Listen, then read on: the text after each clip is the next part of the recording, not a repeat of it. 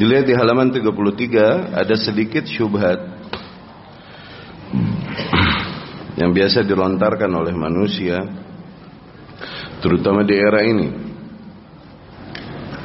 Qad yaqulu qail man al-imam alladhi tajibu ta'atuh. Seseorang bisa jadi berkata, siapa yang dimaksud dengan imam yang wajib ditaati?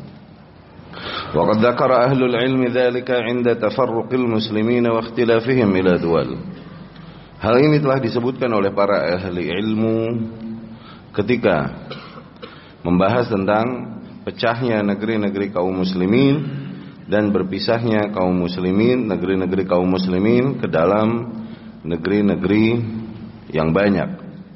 Misal makan fi arzminah madiyah, sebagaimana demikian telah terjadi sejak zaman dahulu wa mithlu ma nahnu fihi al-yawm sebagaimana yang kita dapati di masa kini.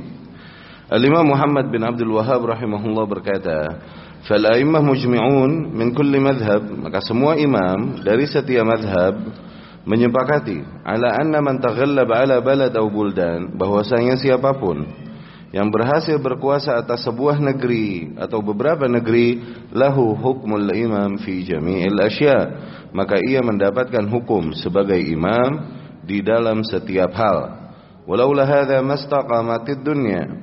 Kalau tidak demikian, niscaya dunia tak akan bisa berjalan. Lianna nasa min zaman tawil dikarenakan demikian para manusia sejak zaman dahulu qabla Imam Ahmad bahkan sebelum Imam Ahmad ila yaumina hadza sampai era kita saat ini majtama'u ala imam wahid tidaklah manusia berada di bawah satu kepemimpinan ولا يعرف أن أحدا من العلماء ذكر أن شيئا من الأحكام لا يصح إلا بالإمام الأعظم dan tidak ada salah seorang pun di antara ulama yang menyebutkan bahwa saya ada di antara hukum-hukum Islam yang tidaklah sah kecuali hanya dengan kepemimpinan imam a'zam, imam yang agung. Jadi demikian syubhat di antara syubhat-syubhat pergerakan. Mereka berkata bahwasanya imam yang dimaksud untuk ditaati adalah imam yang membawahi seluruh kaum muslimin, bukan imam yang ada di negeri-negeri masing-masing, penguasa negeri-negeri masing-masing. Tidak. Dari situ mereka membuat istilah, oke, okay, dengan sebutan al-imam al-a'zam, imam yang agung yang harus ditaati oleh seluruh kaum muslimin berada di negeri mana pun mereka. Sebagaimana syubhat yang ada pada para uh, kaum yang memiliki uh, pemikiran khawarij seperti Ikhwanul Muslimin dan Hizbut Tahrir yang memiliki konsep bayat kepada imam mereka termasuk LDII dan lain-lain yang akhirnya mewajibkan kepemimpinan dan ketaatan itu kepada imam mereka bukan kepada pemimpin negara yang ada masing-masing. Ini adalah syubhat yang tidak pernah dikatakan sejak imam dahulu. Dari dulu juga imam, kaum muslimin udah pecah menjadi negeri-negeri banyak sejak jatuhnya Daulah Umayyah yang ada di Masyrik ya. Akhirnya negeri kaum muslimin menjadi dua. Berjalanlah Daulah Abbasiyah mulai satu sisi tapi di Andalus Eropa masih berjalan Daulah Umayyah. Pada saat itu kaum muslimin berada di bawah dua kepemimpinan. Setelah Abbasiyah mulai kaum muslimin juga pecah-pecah menjadi kerajaan-kerajaan kecil, masing-masing punya raja dan punya imam. Terus berjalan lagi kaum muslimin terpecah-pecah menjadi negara-negara kecil, dipecah-pecah lagi oleh para penjajahan di zaman imperialisme di mana mereka membagi-bagi negeri kaum muslimin dan akhirnya terpecahlah negeri kaum muslimin. Lalu imam yang mana yang mesti ditaati? Maka imam atas sebuah wilayah atau wilayah atau beberapa wilayah, seseorang yang berhasil berkuasa di situ maka dialah imam. Di kita presiden. Di negeri-negeri kaum muslimin masing-masing punya istilah masing-masing. Ada yang punya istilah malik, raja, sebagaimana yang ada di KSA atau di negeri-negeri Arab, ada yang punya istilah PM mungkin, Perdana Menteri, ada yang mungkin punya istilahnya apa pun itu, ketika mereka yang sampai ke tampuk kekuasaan, maka mereka yang punya hak sebagai imam. Tidak ada seorang pun di antara ahli ilmu dari zaman imam-imam dulu yang menyebutkan bahwasanya e, ada hukum-hukum yang kaitannya itu dengan imam al-azam, imam yang besar yang ditaati oleh semua kaum muslimin di setiap negeri. Tidak ada demikian. Ya. Zakara mislah hadzal kalam al-Imam As-San'ani. Demikian juga disebutkan oleh al-Imam As-San'ani, demikian juga al-Imam Asy-Syaukani, ya. Faidha kana al-muslim fi balad muslim hakimuhu muslim maka apabila seorang muslim hidup di negeri muslim dan penguasanya adalah seorang muslim wan aqadal amru lahu dan telah disepakati kepemimpinan ada pada pemimpin tersebut fa inna ta'atahu fil jihadi wajibah. Maka mentaati penguasa tersebut di dalam perkara di antaranya di antaranya perkara jihad ya Mentaati penguasa yang disepakati tersebut yang constitutionally renowned, yang secara konstitusional di negara itu diakui, maka wajib hukumnya mentaatinya.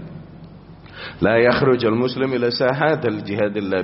Tak boleh seorang muslim keluar menuju medan jihad kecuali hanya dengan izin penguasa tersebut. Likaila yatarattab ala dzalika mafasid talhaq bil Islam wal muslimin.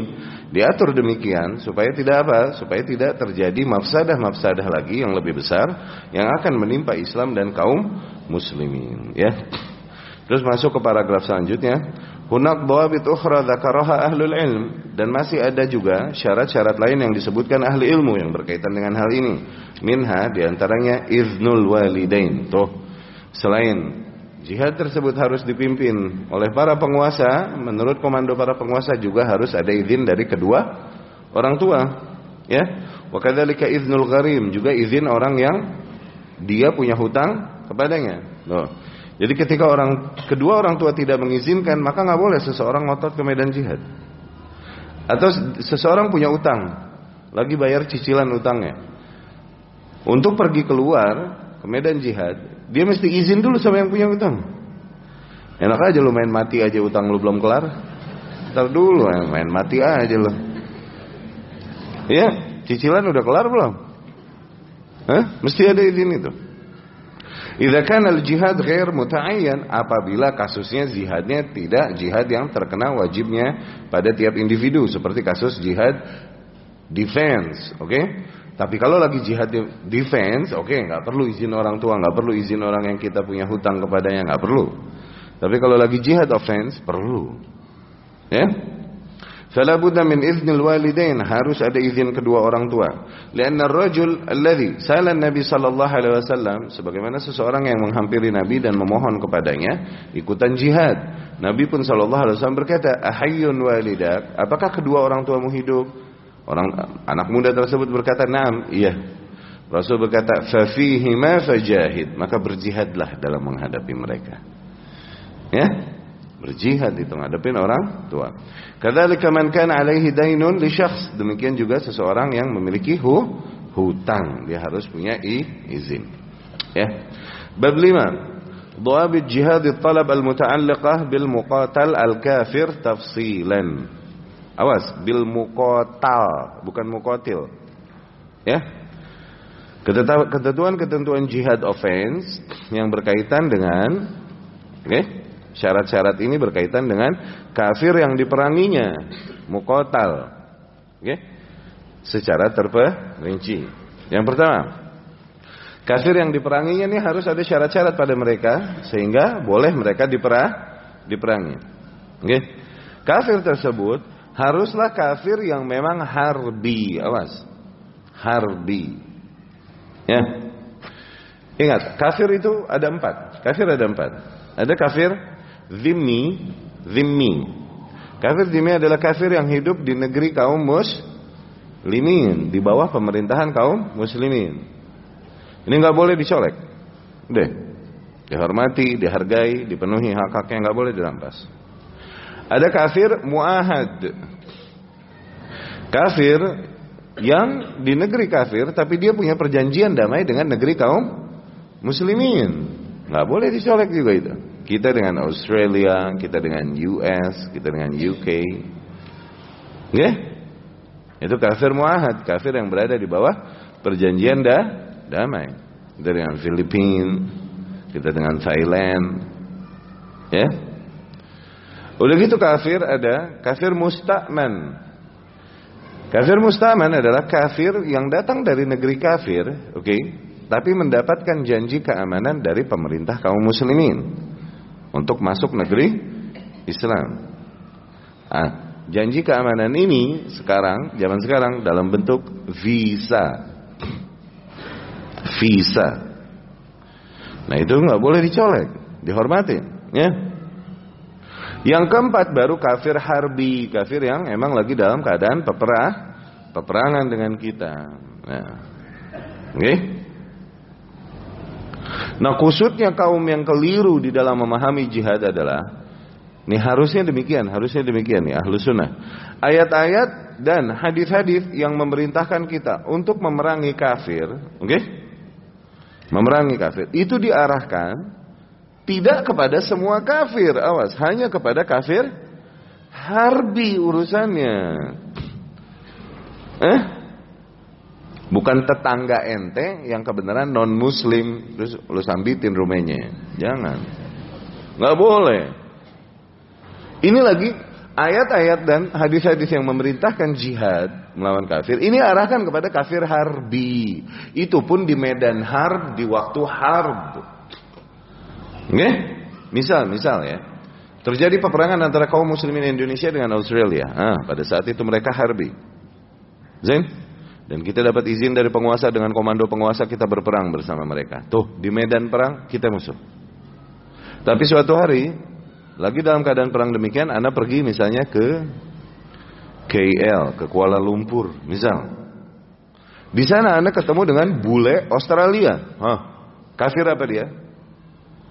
Kafir harbi. Tapi bolehkah anda perangi dia di situ? Di luar medan mah nggak boleh. Di sini ada pemerintahan yang mengatur lagi nggak boleh. Pada saat itu dia bukan lagi jadi kafir harbi, dia kafir mustakman di Malaysia. Nggak boleh anda colek. Kafir harbi ini di medan perang, lagi perang. Nih, okay? nggak semua kafir diterapkan hukum demikian. Akhirnya turis lagi mandi di pantai, dipanggang pakai C4. Kayak di Bali kemarin. Bahlul kan, segala turis lagi main. iya sih dia mabuk apa ini itu terjadilah maksiat yang terjadi. Okay? Di bar-bar dan di tempat-tempat keramaian turis dihajar pakai C4. Kenapa kafir soalnya? Ini jihad. Bahlul. Itu bukan jihad bro, itu jahad. Akhirnya ngerusak nama Islam dan kaum muslimin. Menimpakan keburukan atas nama Islam dan kaum muslimin. Oke? Okay? Ya? Maka kita fahami hal itu. Nah, kita baca ini. Al-awwal yang pertama kafirnya bukan kafir yang kita perangi bukan seorang zim zimmi yang kedua bukan kafir muahad. Nah, yang ketiga bukanlah kafir musta'man. Tuh. Ar-rabi ayyakuna al-muqatir min ahlil kital dan orang kafir yang diperangi itu haruslah ahlul kital. Oke? Okay? Yani seorang lelaki yang ikut berperang memerangi kaum muslimin dari kafir harbi. Oke? Okay? Ini negeri kafir kafir harbi berperang dengan kita. Tapi kau bertemu dengan wanita yang tidak ikutan perang, tidak boleh kau perangi dia. Kakek-kakek yang tidak ikutan perang, tidak boleh kau perangi dia. Atau budak yang menghindarkan diri dari perang, nggak boleh kau perangi dia. Harus ahlul kital memang yang kau perangi. Orang yang memang menyerang kita. Orang yang berusaha menjatuhkan dan menghancurkan kekuatan kita, itu yang kita hajar. Jangan anak-anak yang nggak ikutan. Bukan ahlul kital mereka. Faham nggak? Rapih gak? Hah? Ya, al-khamis ayyakuna al-qital bimuqatalat al-kufar fil ma'arik. Yang namanya peperangan haruslah terjadi peperangan itu di medan perang, walaysa bitafjirat. Medan perang yang clear, jelas lagi keadaan perang. Bukan dengan senyap-senyap terus peledakan diam-diam. Ikhtialat, pembunuhan diam-diam. Atau intiharat, tindakan-tindakan kamikaze. Tuh, intiharat nih kamikaze. Bunuh diri bro. Jadi seseorang jalan bawa petasan, jangwe, mercon di badannya diledang.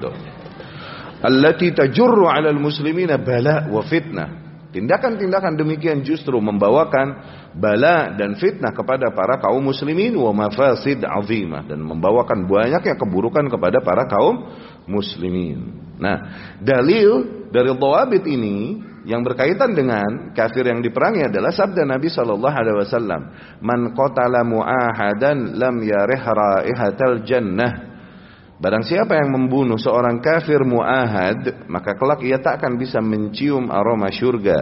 Wa inna rihaha tujadu min masirat arba'ina aman. Dan sesungguhnya aroma syurga dapat tercium dari perjalanan selama 40 tahun. Ya.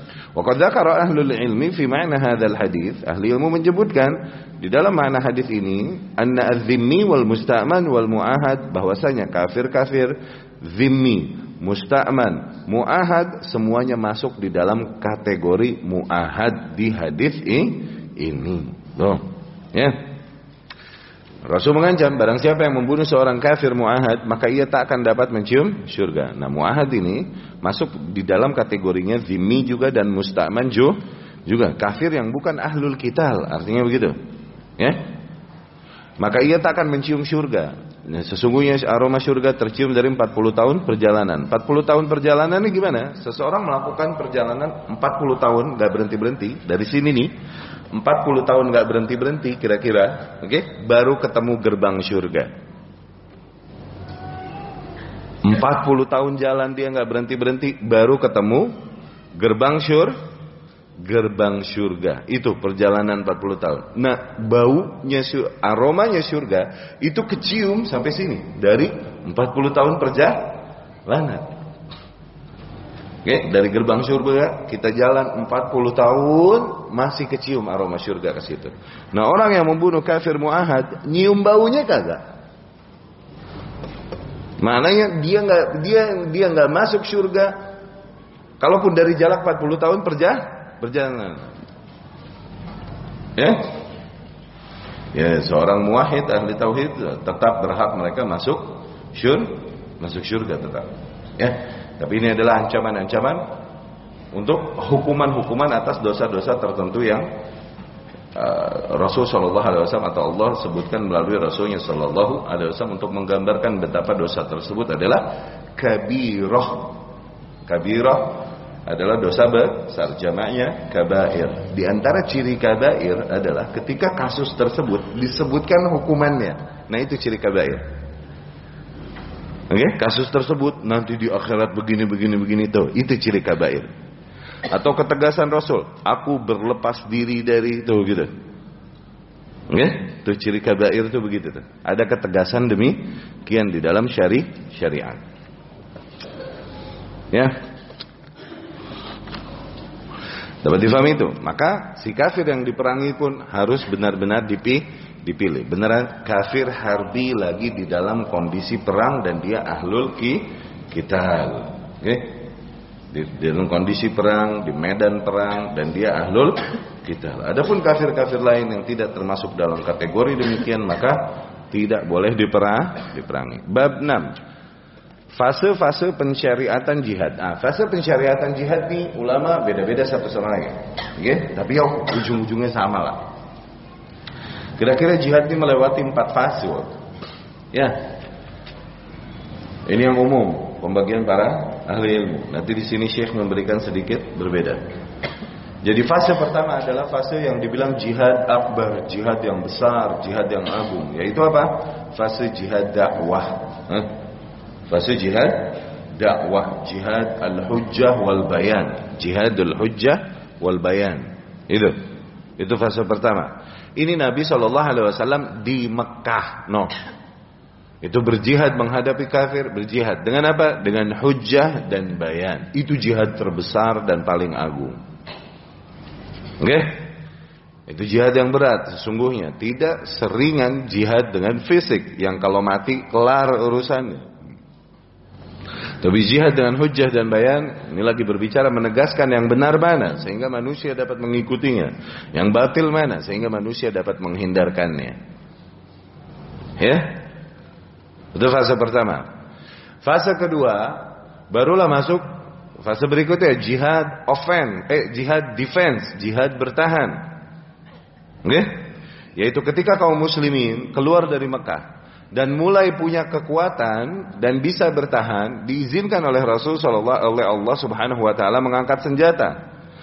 Dalam rangka offense dulu, belum nyerang negara-negara besar Persia Romawi belum, tapi dalam rangka defense dulu aja, maaf, dalam rangka bertah bertahan. Di sini ayat turun udzina lil ladzina yuqataluna bi annahum zulimu telah diizinkan bagi mereka yang diperangi bahwasanya mereka dizalimi. Mulai izin perang. Nah, izin perang di sini dalam rangka apa? Defense, hold on, bertahan.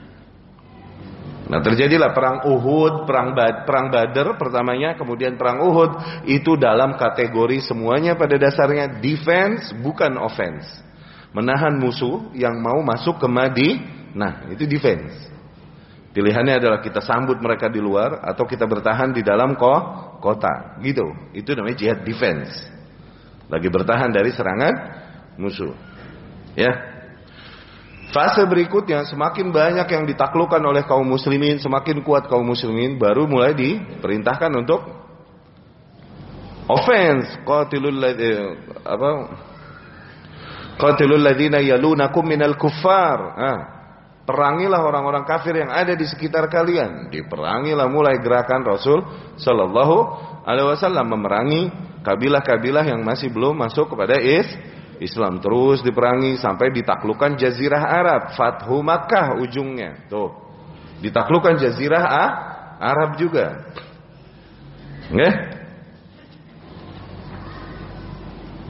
Ditaklukkan semuanya. Ini mulai jihad offense. Ya. Jihad berikutnya baru. Oke? Digebuk Persia, digebuk Romawi sama kaum muslimin. Ini baru perang dunia satu. Itu sebenarnya World War One di mana Persia dihajar sama kaum muslimin, Romawi dihajar sama kaum muslimin dan dua-duanya jatuh. Itu perang dunia satu kalau mau dibilang dihajar sama Abu Bakar, dihajar sama Umar radhiyallahu anhu. Tuh perang dunia satu fase keempat. Qatilul musyrikina kafah. Tuh itu di situ. Perangilah kaum musyrikin semuanya. Tuh. Itu perang dunia satu sebenarnya. Nggih? Dihajar Persia di Qadisiyah, dihajar Romawi di Yarmouk. Nggih? Dan semuanya tunduk di bawah kuasa kaum muslimin. Itu sebenarnya World War One. Kalau mau dibilang World War itu. Ya? Dapat difahami itu?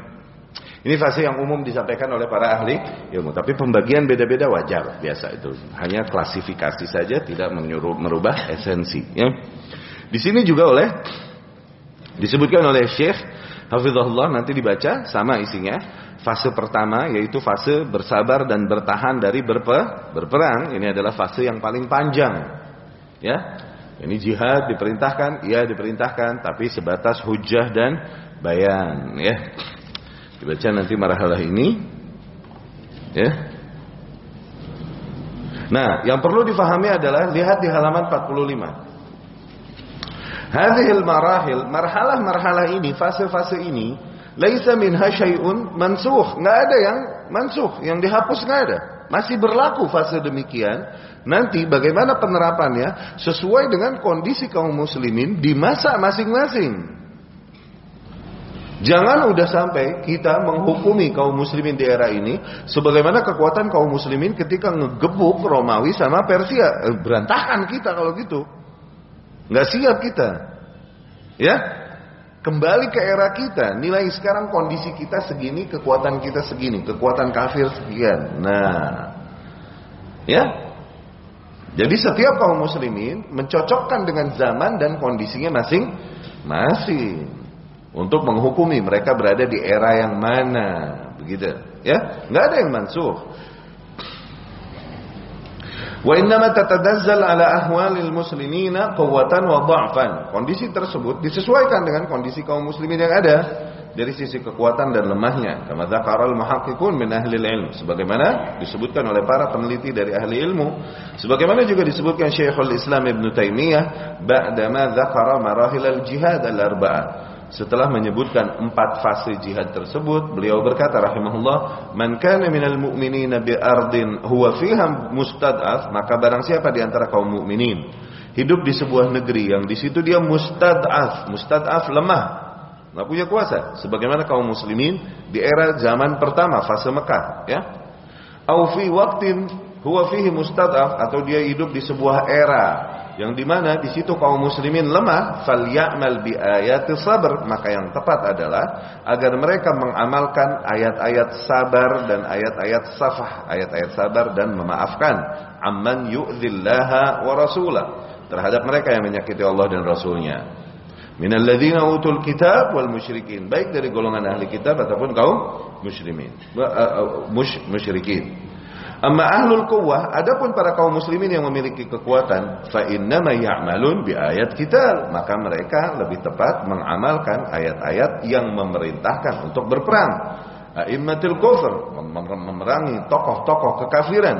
Alladzina yat'anuna fid din, yang di mana mereka mencela agama dan menindas Islam. Tuh. Bi ayat kita alladzina utul kitab, agar mereka mengamalkan ayat-ayat yang memerintahkan untuk memerangi para ahli kitab hatta yu'tu al-jizyah sehingga mereka tunduk dan membayar jizyah an yadin wahum zahirun ya. Dan mereka dalam keadaan tunduk patuh kepada kaum muslimin. Tuh ya. Jadi sekali lagi ayat-ayat yang memerintahkan perang pada kaum musyrikin itu diarahkan yang kepada musyrik atau kafir yang sifatnya har harbi. Kemudian juga dengan kondisi yang siap dalam keadaan peperangan. Namun barang siapa kaum muslimin hidup di sebuah negeri atau era yang di mana di situ dia justru lemah, nggak punya power, oke? Okay? Maka agar ia mengamalkan ayat-ayat yang di situ Allah perintahkan kaum muslimin untuk bersabar dan memaafkan terus dan terus mendirikan hujah dan bayan. Namun bagi kaum muslimin yang di mereka berada di negeri yang memiliki kekuatan, okay? memiliki syaukah, punya gigi, okay? maka pada saat itu agar mereka mengamalkan ayat peperangan, ya, oke. Ketika mereka memang memiliki kekuatan terse tersebut, ya. Jadi disesuaikan dengan kondisi masing-masing negeri dan masing-masing zaman, nggak bisa setiap uh, dihukum rata kondisi kaum muslimin, nggak boleh, ya. Bab yang ke-7, maqasid al-jihad, tujuan tujuan-tujuan jihad. Tujuan-tujuan jihad, tujuan jihad. Perlu difahami hal ini, lihat. Oke? Kenapa? Untuk apa dilakukan jihad ini untuk apa? Tujuannya apa? Gitu. Karena jihad adalah wasilah, ya, bukan tuju, tujuan. Innal jihad lam yushra' li Ketahuilah bahwasanya jihad tidaklah disyariatkan secara zatnya, Zatnya nih ya, ini praktek itunya ya. Ya. Ingat zatnya paham ya. Haram karena zatnya haram. Haram karena unsur lain yang membuatnya ha? haram. Ingat itu paham maksud zatnya ya. Ya. Sesungguhnya jihad tidaklah disyariatkan untuk praktek itunya bukan innama syuri'ah. Adapun jihad demikian disyariatkan li itu untuk hal lain pada dasarnya. Li'annal maksud dikarenakan tujuan dari jihad adalah i'la kalimatillah subhanahu wa ta'ala yaitu meninggikan kalimatullah subhanahu wa ta'ala. Fa idza hasal hadzal maqsud bighair kita, maka apabila tujuannya dapat dicapai tanpa melewati cara peperangan, mengagungkan kalimatullah, membuat syiar Islam diterima dan berjalan, ini dapat diterima tanpa mesti melakukan senjata, maka nggak mesti kita mengambil cara jihad. Jadi demikian kaum muslimin. Mereka mengutus para dai menyeru kepada Islam ke negeri-negeri yang ada. Ketika dai-nya disakiti, dibunuhi dan diperangi, syiar Islam dilarang. Nah, ini baru diangkat senjata senjata pada saat itu. Tapi ketika mereka menerima dan membebaskan syiar Islam dan kemudian malah membiarkan azan dan menjalankan sholat, maka mereka menahan diri dan tidak menyerah. Tuh, paham ya? Ya, Makanya menghukumi negeri sebuah negeri ini negeri apa? Negeri muslim atau negeri kafir, nggih? Itu sebenarnya sederhana para sahabat dulu. Ketika Islam banyak di situ dan boleh berjalan syiarnya, eh? maka hukumi itu negeri muslim yang tak boleh kita zalimi. Nggih? Namun apabila syiar Islam di situ ditindas, dilarang dan diperangi, kaum muslimin di sana tidak bisa menjalankan syiarnya. Okay? Apalagi nggak nggak nggak nggak mayoritas kaum muslimin di sana. Nah itu negeri kah? Negeri kafir. Ya? Nah, adapun negeri kaum muslimin yang berjalan di situ syiar Islam dan lain-lain, cuman hukum yang dipakai katakan bukan hukum syariat. Apakah ini mengeluarkan negeri tersebut dari kategori negeri kaum muslimin? Tidak, karena kalau begitu nggak bersisa nggak bersisa negeri Islam di muka bumi. Karena setiap negeri kaum muslimin mesti pakai hukumnya entah yang sosialis, entah yang demokratis. Mesti negeri kaum muslimin hukumnya itu semua. Atau entah sistemnya sistem kerajaan. Huh? Iya gak? Kalau syarat negeri Islam itu harus pakai hukum undang-undangnya adalah dari Quran dan Sunnah, nggak bersisa negeri Islam di muka bumi. Kecuali Saudi mungkin. Saudi pun nggak semuanya dari Al-Quran dan Sunnah. Banyak mereka buat-buat hukum sendiri. Banyak-banyak. Hukum lalu lintas emang diatur di Al-Quran, di Sunnah. Akhirnya ah, buat hukum sendiri. Berarti bukan hukum Islam juga. Nggak ada negeri Muslim kalau dengan cara pertimbangannya adalah negeri menghukumi negeri ini negeri Muslim adalah hukumnya harus hukum Islam sebagaimana yang diinginkan para Khawarij. Oke? Okay? Nggak bersisa negeri Muslim di muka bumi. Semua negeri kafir kalau begitu. Hidup di negeri kafir haram. Nah, hijrah deh lo sono ke Pluto. Biar puas sono lo hidup di sono. Nggak bersisa negeri Islam bro. Kalau pakai ala-ala mereka nih.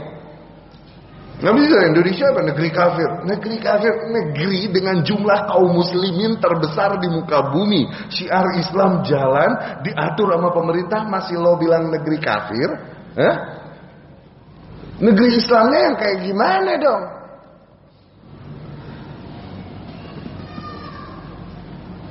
Ada lagi syubhat mereka nih. Syubhat adalah Dalilnya, orang para pendiri negara aja bilang bahwasanya negara ini bukanlah negara Islam. Para penguasanya juga bilang bahwasanya negara ini bukan negara is Islam. Ya, akhir kita berkesimpulan itu dari kawaid dan tawabit syariah.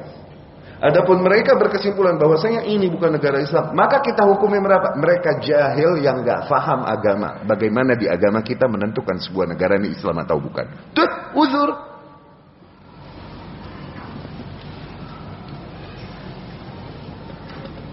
Karena kalau negeri Islam adalah harus 100% Quran Sunnah ditetapkan, nggak bisa negeri Muslim di atas muka bumi, bro. Semua negeri kafir. Hidup di negeri kafir boleh nggak? Rasul berkata, aku berlepas diri dari Muslim yang hidup di antara punggung-punggung kafir. Haram hidup di negeri kafir. Hijrah lo ke Mars. Sono. Penyakit, jangan di bumi deh. Iya gak? Maka menghukumi sebuah negeri-negeri muslim adalah ketika para kaum muslimin banyak di sana, syiar Islam boleh berjalan, azan berkumandang, Jumat berjalan. Kalaupun mungkin ada beberapa sisi syariat yang nggak bisa diterapkan, nggak bisa diterapkan hukum kisos, nggak bisa diterapkan hukum cambuk, nggak bisa diterapkan hukum potong tangan. Oke? Okay? Tapi apakah kemudian menghilangkan esensi secara total bahwasanya negeri ini bukan negeri Islam, negeri Islam dengan semua kekurangannya. Begitu loh. Gitu. Ya? Dapat difahami? Karena kalau negeri Islam mesti undang-undangnya dasarnya Quran dan hadis Rasul Sallallahu Alaihi Wasallam. Barulah sebuah negeri dibilang negeri Islam. Nggak bersisa negeri Islam, bro. Habis. Semua negeri kaum muslimin nggak ada yang Mesir apa? Sosialis. Hah? Tunus, Libya, Yaman. Nggak bisa udah negeri Islam kalau gitu. Ya. Baik, kita teruskan. Maka apabila tujuan dari jihad tersebut dapat terrealisasikan tanpa peperangan fala yusar ilal kita maka nggak mesti kita memilih opsi melakukan pe melakukan perang. Nah inilah jihadnya ahlu sunnah. Itu jihad ahlu sunnah itu begitu. Mengangkat pedang ini option dengan semua ketetapan-ketetapan yang harus dipenuhi. Kalau mesti dipilih, itu pun dengan semua ketetapan yang harus dipenuhi. Jihad buat ahli bidah, pokoknya emang tujuannya itu. Maunya emang begitu aja melakukan kerusak, kerusakan aja emang. Bedanya di situ. Ya, Allah berfirman waqatiluhum hatta la takuna fitnatun wa yakuna ad-din kulluhu lillah. Dan perangilah mereka sehingga tak lagi bersisa fitnah atau syirik dan jadilah semua agama hanya milik Allah. Tuh. Nah, tujuannya adalah sehingga tidak bersisa kekuasaan bagi para kaum musyrikin dan jadilah semua agama hanya milik Allah. Rasul pun bersabda, "Man qatala litakuna kalimatullahi hiyal ulya." Barang siapa yang berperang dengan tujuan untuk menjadikan kalimatullah lah yang paling tinggi, fahuwa fi sabilillah. Maka ialah yang berada di jalan Allah. Tujuannya meninggikan kalimatullah, mensyiarkan Islam. Ketika itu bisa dilakukan tanpa mengangkat senjata, maka tidak kita pilih option mengangkat senjata. Ya. Min ahdafil jihad wa maqasidih dan di antara tujuan pensyariatan jihad, oke? Okay? Yaitu nusratul mazlumin, menolong orang-orang yang dizalimi. Allah berfirman, "Wa ma lakum la tuqatiluna fi sabilillah?" Mengapa kalian tak pergi berjihad di jalan Allah, berperang di jalan Allah? Wal mustad'afina minar rijali wan nisa wal wildan. Sementara para orang-orang yang lemah, dari golongan orang-orang tua, lelaki dan anak-anak, alladzin yaqulun, mereka senantiasa berdoa. Yani mereka berada di negeri yang di situ mereka ditindas dan mereka senantiasa berdoa, Rabbana akhrijna min hadhil qaryati zalimi ahluha. Wahai Tuhan kami, keluarkanlah kami dari negeri yang zalim penduduknya ini waj'al lana min ladunka waliyya waj'al lana min ladunka nasira dan jadikanlah bagi kami dari sisimu seorang pelindung. Jadikanlah bagi kami dari sisimu seorang penolong. Tuh. Ya. Jadi ketika melihat kaum muslimin dizolimi, ditindas, oke? Okay, oleh kekuatan yang ada, maka disyariatkan jihad dengan tujuan apa? Menolong orang-orang yang dizolimi ini barulah dipilih opsi mengangkat senjata. Tapi ketika menolongnya bisa dilakukan dengan dengan apa? Dengan cara Misalnya musyawarah dengan perundingan. Okay? Dengan hubungan bilateral dan kemudian perundingan dan lain-lain, maka dipilih cara itu. Enggak mesti dipilih langsung mengangkat senjata, senjata. Nanti pemerintah yang menentukan cara apa yang tepat untuk melakukan hal tersebut. Wa min maqasidi di antara tujuan pensyariatan jihad darul udwan wa Islam untuk menghindarkan pemusuhan dan menjaga agama Islam. Allah Subhanahu wa taala berfirman, "Asy-syahrul haramu bi syahril haram wal hurumatu qisas." Ya. Allah Subhanahu wa taala berfirman bahwasanya bulan haram dengan bulan haram, yakni dibalas dengan bulan yang haram. Dan pada sesuatu yang patut dihormati berlaku hukum kisas. Ya. Faman i'tada 'alaikum, maka barang siapa yang menyerang kalian, fa'tadu alaihi bimithli ma'tada alaikum, maka balaslah ia sebatas apa yang ia lakukan kepadamu. Wattaqullaha wa'lamu annallaha ma'al muttaqin. Dan bertakwalah kepada Allah dan ketahuilah sesungguhnya Allah senantiasa bersama orang-orang yang bertakwa, ya. Nah, diperintahkan untuk menyerang. Okay? Ini sebatas serangan yang diberikan musuh kepadamu untuk menghindarkan dari udwan, dari bully, dari bully. Ya, dari kasus permusuhan. Tampakkan kepada mereka bahwa saya kita punya memiliki kita memiliki kekuatan yang tidak semudah itu seseorang melakukan tindakan kezoliman dan pembulian atas kita karena kita memiliki keinginan karena kita punya ke kekuatan dan keinginan untuk membalas siapa pun yang mencoba melakukan udwan, kezoliman dan permusuhan kepada kaum muslimin. Yaqul ba'dul fuqaha, sebagian ahli fikih rahimahumullah berkata, di dalam beberapa ungkapan mereka yang menekankan bahwasanya jihad bukanlah tujuan pada zatnya. Adapun jihad hanya disyariatkan ditujukan untuk hal lain. Ya. Setelah zakara al-fuqaha setelah mereka rahimahumullah menyebutkan yaqul Ibnu Daqiqil Id ba'dama zakara al-maqsud min al-jihad al-Imam Ibnu Daqiqil Id berkata setelah beliau rahimahullah menyebutkan tujuan dari pensyariatan jihad huwa i'la kalimatillah subhanahu wa ta'ala ya yaitu meninggikan kalimatullah subhanahu wa ta'ala wa i'la'id din wa nashrih dan meninggikan agama kita dan menyebarkan agama kita wa ikhmadil kufur wa dahdih dan memadamkan kekuatan kekufuran beliau rahimahullah berkata fa fadilatuhu bihasab fadilah dzalik maka keutamaan jihad itu tergantung sesuai dengan keutamaan praktek tersebut. Yakni bihasab ma yatahaqqaq min hadhihi maani. Keutamaan jihad maknanya adalah keutamaan jihad itu sesuai dengan apa yang dapat direalisasikan dari nilai-nilai tersebut. Tuh, semakin dapat disebarkan Islam, semakin dapat disyariatkan, eh ditinggikan kalimatullah dari praktek jihad tersebut, maka semakin mulia pula tindakan atau praktek jihad untuk hal itu. Kalau Syekh Abdul Ghani Al-Maqdisi rahimahullah. Al-jihad fardu kifayah. Jihad hukumnya fardu kifayah li'annahu lam yufrad bi'aini tidaklah diwajibkan pada dasarnya untuk tiap individu idh huwa fasadun fi dhati. Dikarenakan jihad zatnya adalah sebuah bentuk kerusakan. Tuh peperangannya kerusakan pada zat pada zatnya. Jihadnya apa sih? Mengangkat senjata menumpahkan darah manusia. Ini kan kerusakan. Menghancurkan kekuatan musuh negeri musuh gitu kan? Itu kan pada dasarnya kerusakan kerusakan. Zatnya mah kerusakan itu.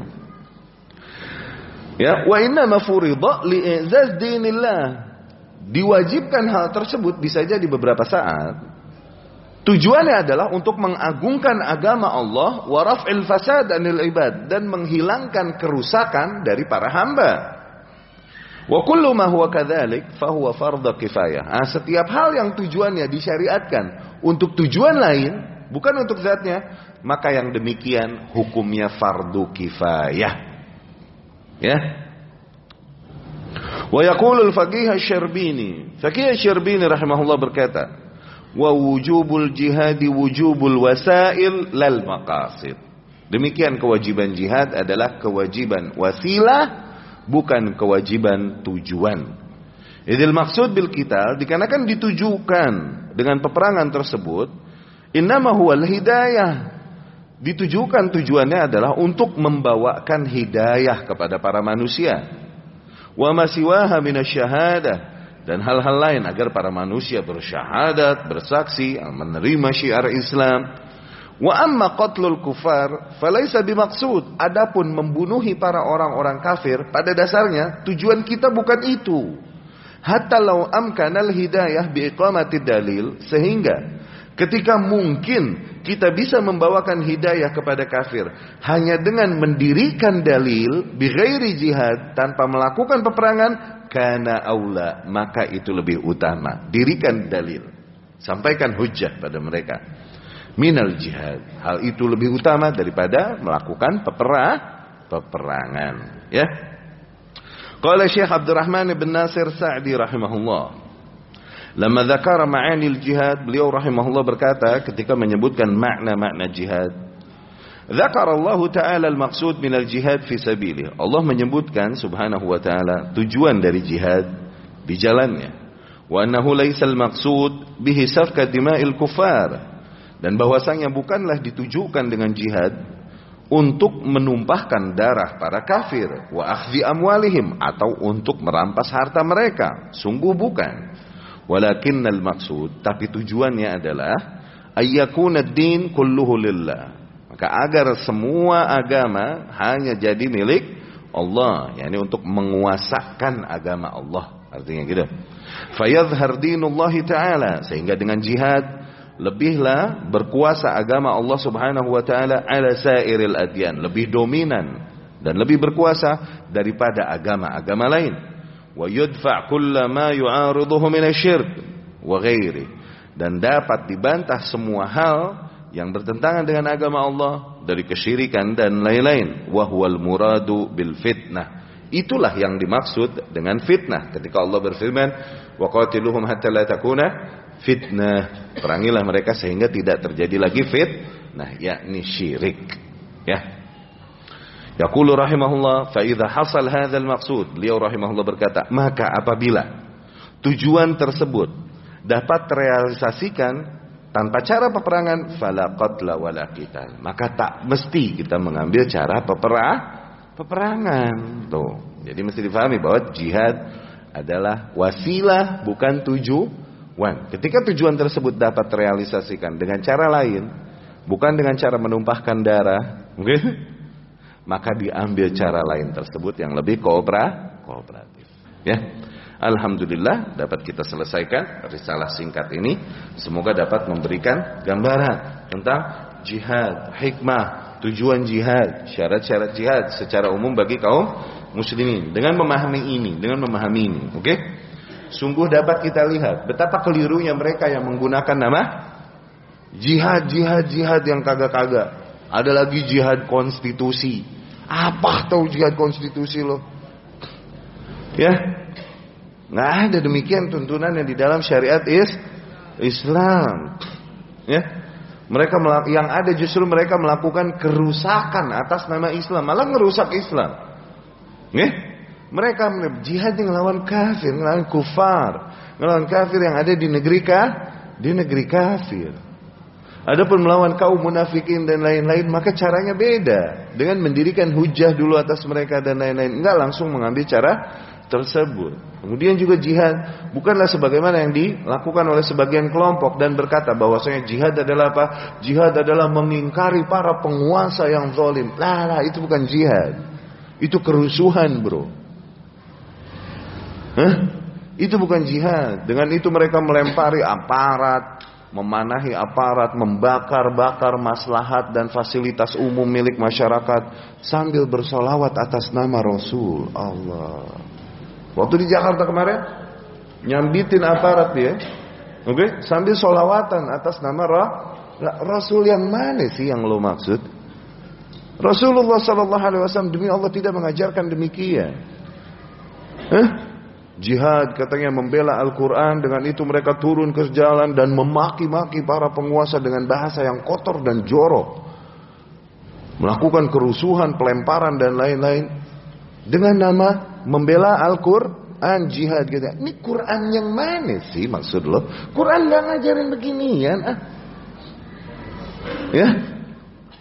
Karena kan hakikatnya demikian sebagaimana diatur di dalam syariat is rapi sebenarnya beragama. Kenapa jadi liar begini? Hah? Ya akhi perhatikan, perhatikan. Syuf. Apabila ada agama yang mengajarkan manusia untuk menyembah menyembah ular, menyembah batu. Apabila ada agama yang memerintahkan manusia untuk menyembah kotoran dan hewan, oke? Okay? Maka sungguh itu agama yang buruk, oke? Okay? Tapi tetap tidak pantas ini agama mengajarkan untuk berkata-kata kotor, membakar fasilitas umum dan melempari para Orang-orang yang senegara dengannya. Itu nggak pantas. Kalaupun ini agama-agama yang buruk. Apalah lagi agama yang mengajarkan tauhid kepada Allah Subhanahu wa taala, pantas nggak ngajarin beginian? Agama yang memerintahkan kita untuk mengikuti semulia-mulianya akhlak manusia Rasulullah Sallallahu Alaihi Wasallam pantas nggak ngajarin sambit-sambit.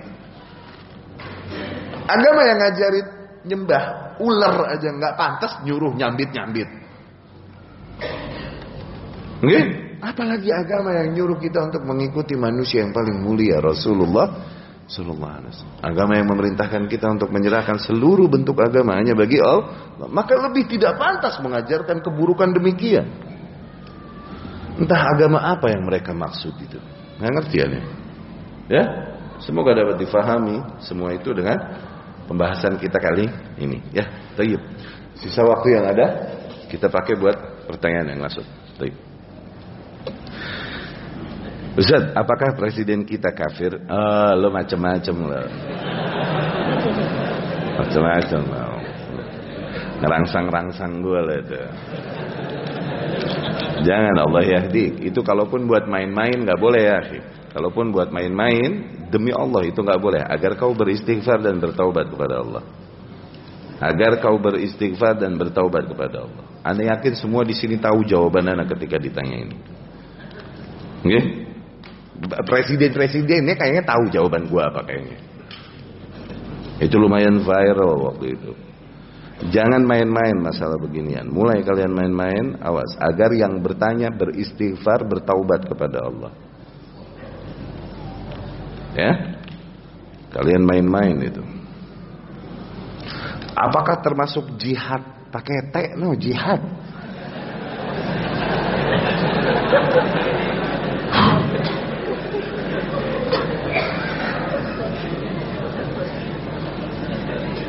Apakah termasuk jihad? Dalam menuntut ilmu jika seseorang tersebut dilarang oleh orang tua menghadiri tablik pakai K no. Pakai G bro tablik. Akbar karena alasan orang tua itu bilang tempatnya jauh tapi orang tersebut nekat berangkat tanpa izin orang tua. Ya insya Allah Bismillah. Minta keikhlasan kepada Allah subhanahu wa ta'ala dan gak usah berbantah-bantahan dengan orang tua. Mau jalan-jalan Bismillah Ya. Bagaimana jika dua negara muslim saling menyatakan perang satu sama lain? Apakah wajib taat ikut perang bersama pemerintah? Nah, ini apabila fa in ta'ifatani minal mu'minina qatatalu apabila dua kelompok mukmin berperang satu sama lain fa aslihu bainahuma maka damaikan. Wa in baghat ihdahuma ukhra, setelah dilakukan usaha perdamaian, ternyata yang satu mulai menyerang yang lain, bugat. Nah, ini bugat namanya bugat. Faqatilul lati tabghi hatta ila amrillah. Maka perangilah mereka yang bugat sehingga mereka kembali ke jalan Allah.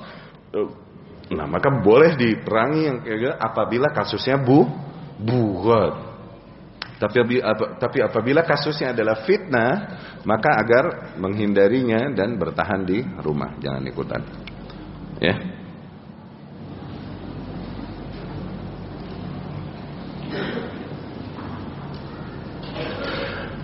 Orang tua masih melakukan kesyirikan. Bagaimana cara menasehatinya? Apakah itu termasuk jihad buat anak untuk menasehati orang tuanya sampaikan aja sekali dua kali pak itu jangan syirik. Bu itu jangan syirik. Deh sisanya doakan. Jangan kau terus setiap kali melihat mereka terus ribut mulu. Oke okay? debat mulu. Yang ada akhirnya teriak-teriakan ente sama orang tua. Nggak boleh ya kalau udah urusannya orang tua tuh nggak boleh. Kalaupun kau di atas kebenar kebenaran. Sampaikan aja hujahnya sekali dua kali udah cukup udah. Sisanya doakan. Bagaimanapun hatinya di tangan Allah. Kalaupun kau bawakan seribu dalil baginya, kalau emang berpaling hatinya, Allah buat berpaling berpaling. Doakan aja kepada Allah Subhanahu wa taala. Sa'ad bin Abi Waqqas radhiyallahu anhu waktu itu masuk Islam. Ibunya nih keras. Saat terkenal baran bi ummi berbakti dengan baik kepada ibunya. Eh pas ibunya tahu saat masuk Islam, akhirnya ibunya berkata, aku tak akan makan, tak akan minum sampai kau meninggalkan agama Muhammad. Maka ini demo mogok makan, mogok minum. Akhirnya dipaksa oleh Sa'ad bin Abi Waqqas terus dibujuk untuk makan dan minum sehingga beberapa hari sampai lemas tuh ibunya. Sehingga dengan cara semua cara dari cara lembut, cara kencang untuk memaksa ibunya agar mah agar makan. Jadilah saat bahan omongan di luar, ih saat kurang ajar sama ibunya, saat kurang ajar sama ibunya. Apa mesti disogok pakai kayu supaya dia mah makan, maksa ibunya nih. Nggih? Akhirnya peker saat. Akhirnya saat berkata radhiyallahu anhu. Hah? Lau kan ummah ummi Lau kanat laki mi'atan nafs, andai saja kau punya seratus nyawa. Wa kharajat minki nafsa nafsa dan seratus nyawa tersebut keluar dari dirimu satu persatu nyawamu dan setiap keluar satu di menyiksa aku begini? Okay? Mata waktu dina Muhammad. Sungguh aku takkan meninggalkan agama Muhammad. Kuli in syi'ti wa in syi'ti la takuli. Kalau mau makan gitu. Kalau kagak sono serah. Begitu. Apabila kau punya seratus nyawa kayak Tom and Jerry. Ketimpa pesawat masih hidup, kejepit pintu udah gepeng masih hidup lagi, begitu kan? Apabila kau punya 100 nyawa, setiap keluar satu dia ngerepotin nyusahin aku begini. Sungguh aku tak akan tinggalkan agama Muhammad. Kalaupun kau punya 100 nyawa yang menyiksa. Begitu kan? Nah, di situ akhirnya turunlah teguran Allah Subhanahu wa taala. Di situ Allah bilang, "Wa in jahadaka 'ala an tusyrika bi." Dan apabila mereka berdua, kedua orang tua, memaksamu untuk mempersekutukanku, ma laysa laka bihi ilm, dengan sesuatu yang kau tak miliki ilmu atasnya, fala tuti'huma. Maka janganlah taati mereka berdua. Wasahibhuma fid dunya ma'rufa, tapi tetap treat them, perlakukan mereka dengan seagung-agungnya perlakuan. Tuh. Dengan sebaik-baiknya perlakuan. Syuf, saat benar gak sih sikapnya, sabat gak sih di atas agama? Benar gak? Benar kan? Tapi tetap ditegur karena perkataan yang kenceng itu kepada ibunya. Iya kan? Kalau kau punya nyawa seratus, keluar darimu satu-satu dan setiap keluarnya ini menyiksaku, sungguh tetap aku tak akan tinggalkan agama Muhammad. Begitu. Kalau kau mau makan, kalau enggak ya serah. Begitu. Benar nggak saat? Bertahan nggak di atas agamanya? Benar, tapi tetap ditegur nggak sama Allah? Ditegur. Karena apa? Ada syiddah, ada kekerasan perkataan kepada orang tua. Tayyib, orang tua masih syirik, masih syirik. Sampaikan aja udah dengan kata-kata yang baik. Nah, sekali dua kali sampaikan, nggak mau dengar, udah, sisanya doa. Ketahuilah bahwa kalaupun kau ingkari dia setiap kali kau melihat kesyirikan, tapi hatinya tetap dipalingkan oleh Allah, tetap dia berpaling. Maka minta kepada zat yang maha membolak-balikan hati para hambanya. Ya, doain. Zen?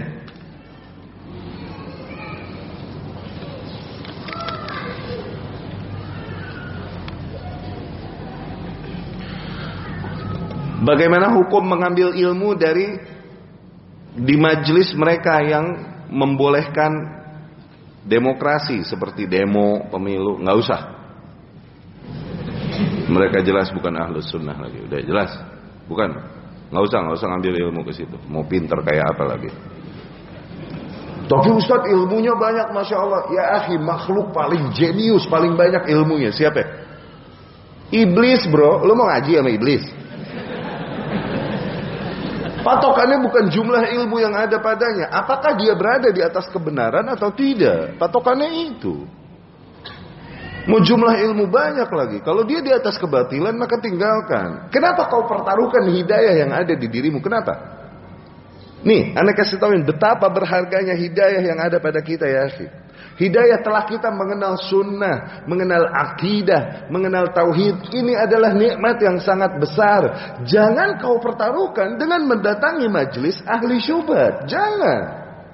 Nanti syubhat itu kelewat nyangkut di hatimu qadarullah dan kuasa hatimu tidak berada di tanganmu. Nyangkut di hatimu nggak hilang, akhirnya kau larut bersama mereka. Ma'adzallah, kuasa hati kita bukan di tangan kita. Ini nikmat yang besar, jaga. Jangan kau pertarungkan dengan kesombonganmu merasa kuat datang ke majelis-majelis ahlul batil. Jangan. Bro, ente ini kurang menghargai nikmat ini wallah. Kurang menghargai nikmat hidayah yang telah ada padamu. Ini ini aneh gambarin, aneh gambarin. Oke? Okay? Ini nikmat akidah ya akhi, nikmat yang Allah Subhanahu wa taala berikan kepada kita, tidak Allah berikan kepada anak rasul pertama di muka bumi. Anak rasul pertama siapa? Nuh alaihissalam anaknya Kanan dapat nggak hidayah akidah ini? Enggak kan? Kita dapat. Ini nikmat tidak Allah berikan kepada para paman Nabi yang paling mulia di muka bumi. Nabi Muhammad. Abu Jahal, Abu Talib, Abu Lahab. Dapat nggak nih hidayah? Dapat nggak nih nikmat? Enggak kan? Kita dapat. Akhwat. Ini hidayah yang ada pada kalian. Ini adalah nikmat yang tidak Allah berikan kepada istrinya Nabi Lut alaihi salam. Istrinya ke mana? Diazab sama para malaikat baru. Tapi kalian para akhwat dapat ini nikmat. Kenapa kalian tidak maintain?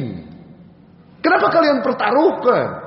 Dengan masih mendengar para dai ahli syubhat dan ahli bid'ah. Itu kufur nikmat. Wallah kufur nikmat muka. Hindari kajian-kajian mereka.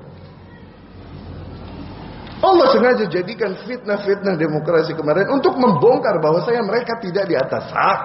Udah dibongkar sejelas itu masih mau ke sono loh. Kebangetan itu sih.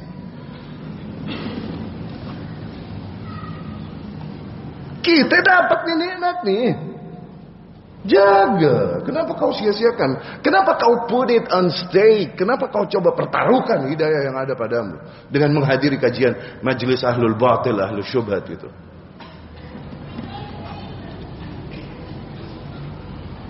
Has anyone ever told you this? Pernah ada yang menegaskan hal ini kepada kalian? Pernah? Tuh, asal kalian tahu betapa besarnya nikmat yang ada pada hati kalian.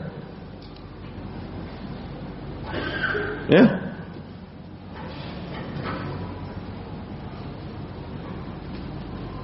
Udah, ini capek. Ikhwah, Wallah kemuliaan yang besar bagi kami untuk bisa berada di sini sama bapak-bapak, sama ibu-ibu semuanya, sama ikhwah, sama akhwat semuanya. Semoga Allah Subhanahu wa taala pertemukan lagi kita di lain waktu dengan risalah-risalah para ulama yang kita terjemahkan dan kita bahas belajar bareng lagi ya.